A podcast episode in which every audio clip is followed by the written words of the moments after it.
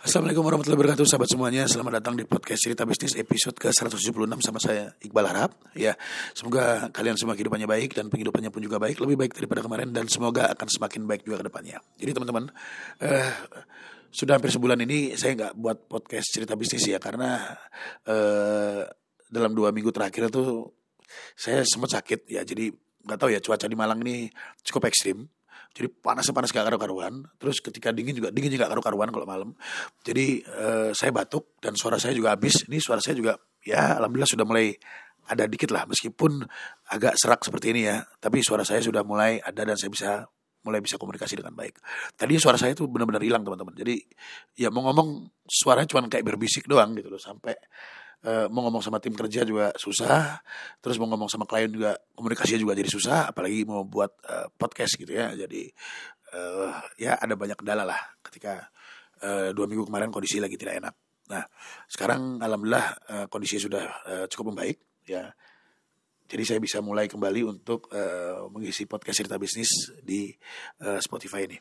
Dan uh, seperti biasa uh, di podcast ini saya akan mengajak teman-teman untuk membahas tentang banyak hal ya, terutama mengenai bisnis, manajerial dan keuangan yang akan saya angkat dari sudut pandang saya sendiri, pengalaman saya pribadi dan dari cerita saya sendiri sebagai praktisi bisnis dan pelaku investasi sejak tahun 2006. Ya, harapannya supaya kalian semua teman-teman yang mendengarkan podcast ini yang mungkin ada keinginan untuk menjadi seorang pengusaha atau bagi teman-teman yang sudah menjadi pengusaha dan juga untuk teman-teman yang memiliki profesi yang berbeda. Nah, barangkali kali teman-teman bisa mendapatkan insight-insight baru, insight-insight yang bermanfaat, dan insight-insight yang berbeda. Jadi kalau misalnya teman-teman mendengarkan podcast ini dan mungkin ada hal-hal yang ingin ditanyakan, ada hal-hal yang perlu didiskusikan, langsung aja kontak ke nomor WhatsApp yang saya cantumkan di deskripsi di podcast ini supaya kita bisa diskusi lagi lebih lanjut. Gitu ya. Dan sekarang kita akan langsung masuk ke sesi cermis kali ini teman-teman. Jadi eh, sering kali ya dalam sebuah organisasi bisnis eh, divisi keuangan tuh sering crash dengan divisi penjualan. Ya, bahkan bukan cuma divisi penjualan doang ya. Divisi yang lainnya juga seperti divisi eh, kepegawaian HRD gitu ya divisi produksi eh, dan divisi-divisi yang lainnya itu juga sering crash dengan divisi keuangan. Ya kenapa hal ini bisa terjadi? Karena tidak lepas dari peran divisi keuangan sebagai penjaga gawang dalam sebuah bisnis teman-teman. Ya eh, jadi divisi keuangan di sini itu bukan hanya tugasnya mencatat arus keuangan saja bukan tapi juga mereka harus bisa membuat perencanaan dan strategi keuangan dalam sebuah bisnis ya.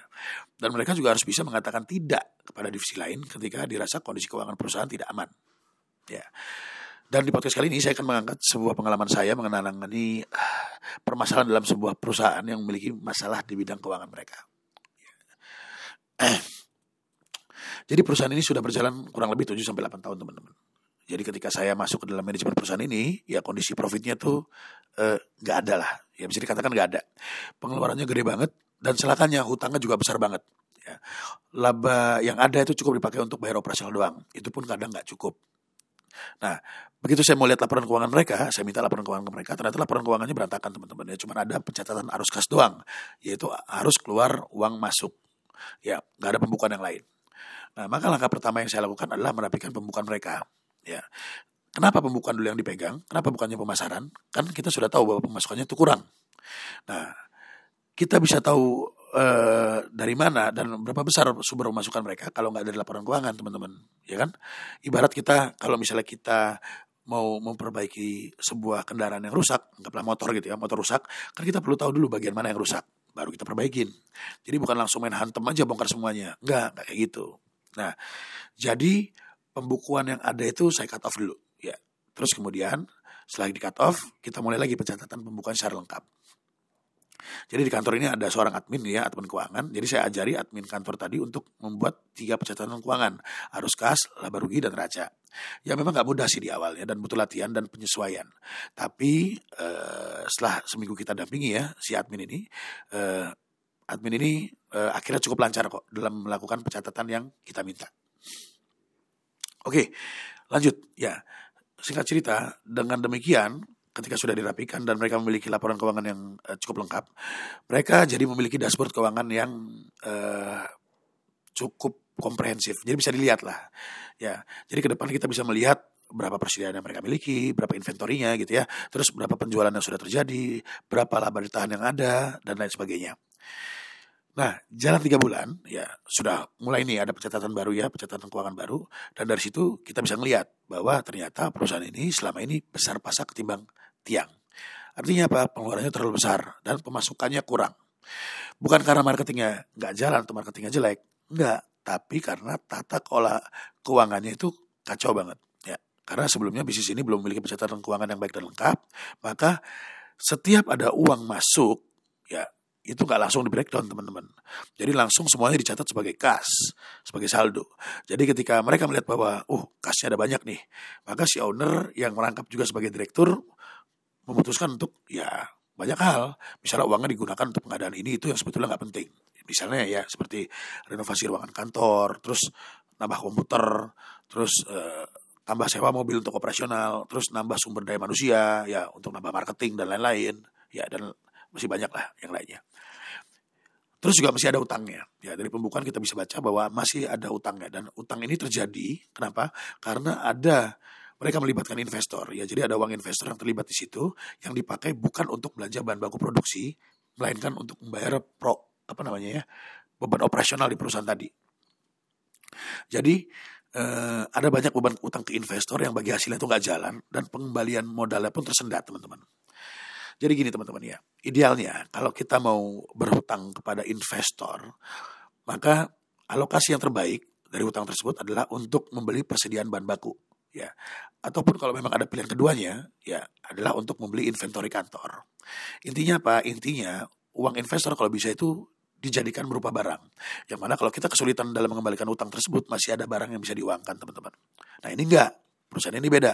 Jadi uang tadi itu digunakan untuk membiayai operasional sehingga ya memang benar sih penjualan itu cukup banyak yang terjadi di perusahaan ini. Tapi pengeluarannya juga jauh lebih banyak. Karena kenapa? Karena juga eh, melibatkan juga membayari uh, hutang dan bunganya. Nah, langkah selanjutnya ya dalam uh, proses membenahi perusahaan ini, maka saya dan tim, ya tim BBDC mengajukan opsi untuk melakukan pengurangan karyawan yang tidak diperlukan kepada si owner perusahaan tadi. Jadi karyawan mereka ini jumlahnya kurang lebih itu ada 40 orangan lah total. Nah kami mengusulkan ya, kami membuat rekomendasi bahwa uh, beberapa karyawan yang kerjanya nggak begitu urgent dan nggak begitu penting, ya lebih baik diputuskan aja hubungan kerjasamanya. Ya, kenapa? Kenapa ya karena ya tadi beban operasional terlalu besar dan uh, karena perusahaan ini bergerak di bidang manufaktur ya yang lebih banyak penjualannya dijadikan apa terjadi karena proses marketing online, maka saya mengusulkan marketing offline itu dipotong aja jumlahnya. Ya karena memang gak efektif. Ya, karena sudah berdasarkan data kita lihat bahwa ya paling banyak penjualan masuk dari proses online, baik itu dari website, dari Instagram, dari media sosial, ya banyak terjadi transaksi dari uh, proses online. Dan saya juga mewajibkan, kita juga buat rekomendasi bahwa si owner ini yang tadinya ada di awang-awang ya karena dia punya 40 karyawan ya dan dia sudah jarang lagi turun ke lapangan kita merekomendasikan untuk si ownernya turun kembali ke lapangan. Untuk apa? Untuk membantu marketing bisnis to bisnisnya secara offline ya. Jadi untuk offline untuk bisnis to bisnis yang agak gede si owner juga turun ke lapangan. Itu rekomendasi kita. Nah ketika kita mengajukan rekomendasi tersebut si owner ini menolak teman-teman ya. Alasannya kenapa? Ya alasannya kalau dari 8 marketing dipotong tinggal uh, dua marketing ya karena terlalu banyak ya delapan orang marketing. Jadi dipotong enam orang tinggal dua marketing. Dan kita juga merekomendasikan uh, bagi si owner untuk ikut turun ke lapangan maka menurut dia peluang penjualan jadi semakin kecil. Ya. Uh, dan dia merasa sangat percaya diri dengan tim marketingnya. Karena uh, ya mereka dalam 8 tahun ini mereka bisa menembus angka uh, 1000 klien corporate yang sudah mereka ajakin kerjasama jadi portofolio mereka Nah padahal kalau kita eh, lihat dari pembukuan mereka, kita bisa lihat bahwa pemasukan paling besar itu datangnya dari marketing online ya, seperti saya bilang tadi, bukan dari marketing offline ya. Nah maka berdasarkan data yang ada, kita eh, melakukan tukar pikiran dengan serius antara kami dengan si owner ya. Jadi saya katakan kepada si owner ini, Mas Bos, ini bisnis kamu sudah jalan 8 tahun. Ya, memang ada seribu portofolio perusahaan yang pernah menggandeng bisnis ini dalam waktu tahun 8 apa uh, waktu 8 tahun berjalan. Ya, tapi faktanya nyatanya saat ini utang perusahaan ini udah besar banget dan laba ditahan itu sama sekali nggak ada. Semuanya itu habis nggak jadi barang, tapi habis untuk operasional. Nah, uh, anggaplah utang perusahaan ini yang ada sekarang ini saya bulatkan ke atas jadi 2,4 miliar gitu ya Maka dalam 8 tahun bisnis ini beroperasi, dia malah nambah utang 300 juta setahunnya. Ya. Dan dia kerja 8 tahun tuh gak dapat apa-apa, cuma nambah utang doang. Jika seandainya si owner ini ngutang ya buat makan atau buat biaya hidup anggaplah dia ngambil dia ngutang sama orang 20 juta sebulan ya.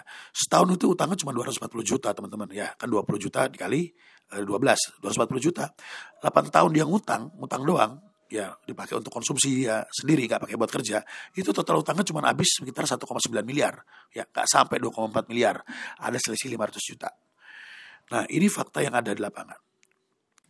Jadi kamu nggak bisa. Uh, jadi saya bilang ke si Mas Bos ini, kamu nggak bisa Mas uh, mengan, apa namanya mengangkat bahwa ini kita sudah punya eh, seribu perusahaan lebih selama 8 tahun ini kita kerja kok. Nggak bisa kita ngangkat itu karena nyatanya utangnya besar gitu ya mending kamu nggak usah uh, ngutang buat bisnis gitu kan. Ngutang buat diri sendiri aja itu jauh lebih kecil daripada kamu ngutang buat bisnis ya. Selisihnya tadi 500 juta jadi kita bukakan pikirannya si bos ini dengan data Nah, terus kemudian si Mas Bos ini ngomong pada kita ya bahwa dia minta tolong gini.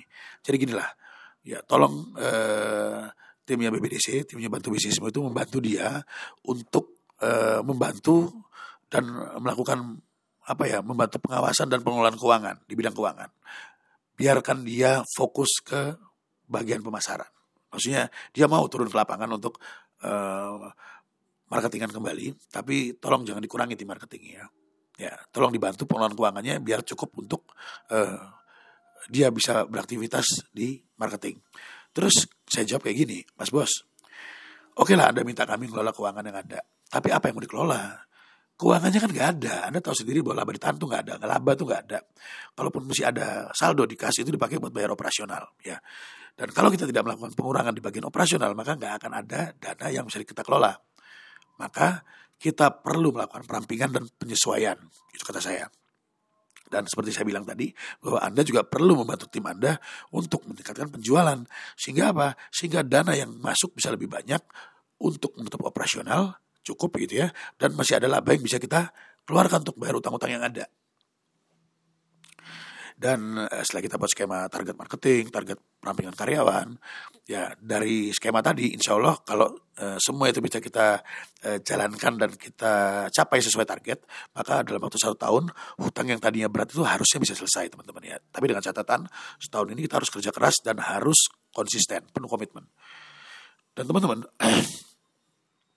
saya rasa hal ini juga e, banyak terjadi di bisnis yang lainnya ya. Mungkin di bisnis teman-teman juga mungkin merasakan hal yang sama ya. Di mana divisi lain sering bertabrakan dengan divisi keuangan. Dan hal ini memang wajar teman-teman ya. Seperti yang saya sampaikan tadi bahwa karena tugasnya divisi keuangan itu memang sebagai penjaga gawang menjaga agar sebuah bisnis bisa beroperasi dengan aman dengan skema keuangan yang sudah di eh, apa direncanakan sama mereka. Nah dan kalau memang nggak ada anggaran, mereka nggak memiliki anggaran, maka divisi keuangan harus bisa menolak dengan tegas jika ada divisi lain yang minta dana ke, uh, secara kagetan. Ya, karena meskipun seandainya dananya pun ada di saldo, tapi dana ini kan sudah dialokasikan untuk keperluan yang lain, ya sesuai dengan strategi bisnis yang sudah disepakati dalam sebuah meeting bersama, ya mata eh, apa meeting semua divisi ya yang disepakati mas semua divisi dalam sebuah rapat bersama. Ya. Jadi itu teman-teman wajar, ya kalau misalnya divisi keuangan suka bertabrakan. Nah tinggal anda sebagai uh, business owner, anda juga harus bisa membaca uh, permasalahan yang terjadi di lapangan. Ya, e, kalau misalnya memang dananya nggak ada, ya Anda harus bisa mengorbankan beberapa hal e, dari divisi lain agar ada dana yang bisa dikelola untuk bisa pengembangan bisa dilakukan pengembangan bisnis di bisnis Anda. Karena kalau misalnya e, kita mau mengembangkan bisnis tanpa ada uang yang harus dibakar, ya maka ya gimana caranya gitu loh kita butuh bahan bakar untuk mengembangkan bisnis ya. Bahan bakarnya ya uang ya bahan bakarnya ya laba. Bisa juga dari utang tapi kalau misalnya pakai bahan bakar dari utang itu sangat berbahaya kalau bisnisnya belum stabil. Sedangkan yang paling aman adalah dengan eh, membakar uang dari laba ditahan. Nah kalau laba ditahan yang nggak ada ya maka prinsip pertama adalah uh, lakukan uh, penghematan kos dan melakukan penjualan sebesar besarnya ya cuma itu doang itu menurut saya. Jadi gitu teman-teman. Wajar ya. Sekali lagi wajar kalau misalnya di sebuah perusahaan terutama perusahaan kita sendiri kalau misalnya ada bentrokan antara divisi keuangan dengan divisi yang lain cuman kita juga harus bisa berpikir secara bijak kalau memang uangnya nggak ada ya pikir dulu gimana cari, cari cari duitnya bisa dengan cara meningkatkan penjualan tadi dan juga bisa dengan menekan pengeluaran. Gitu teman-teman ya.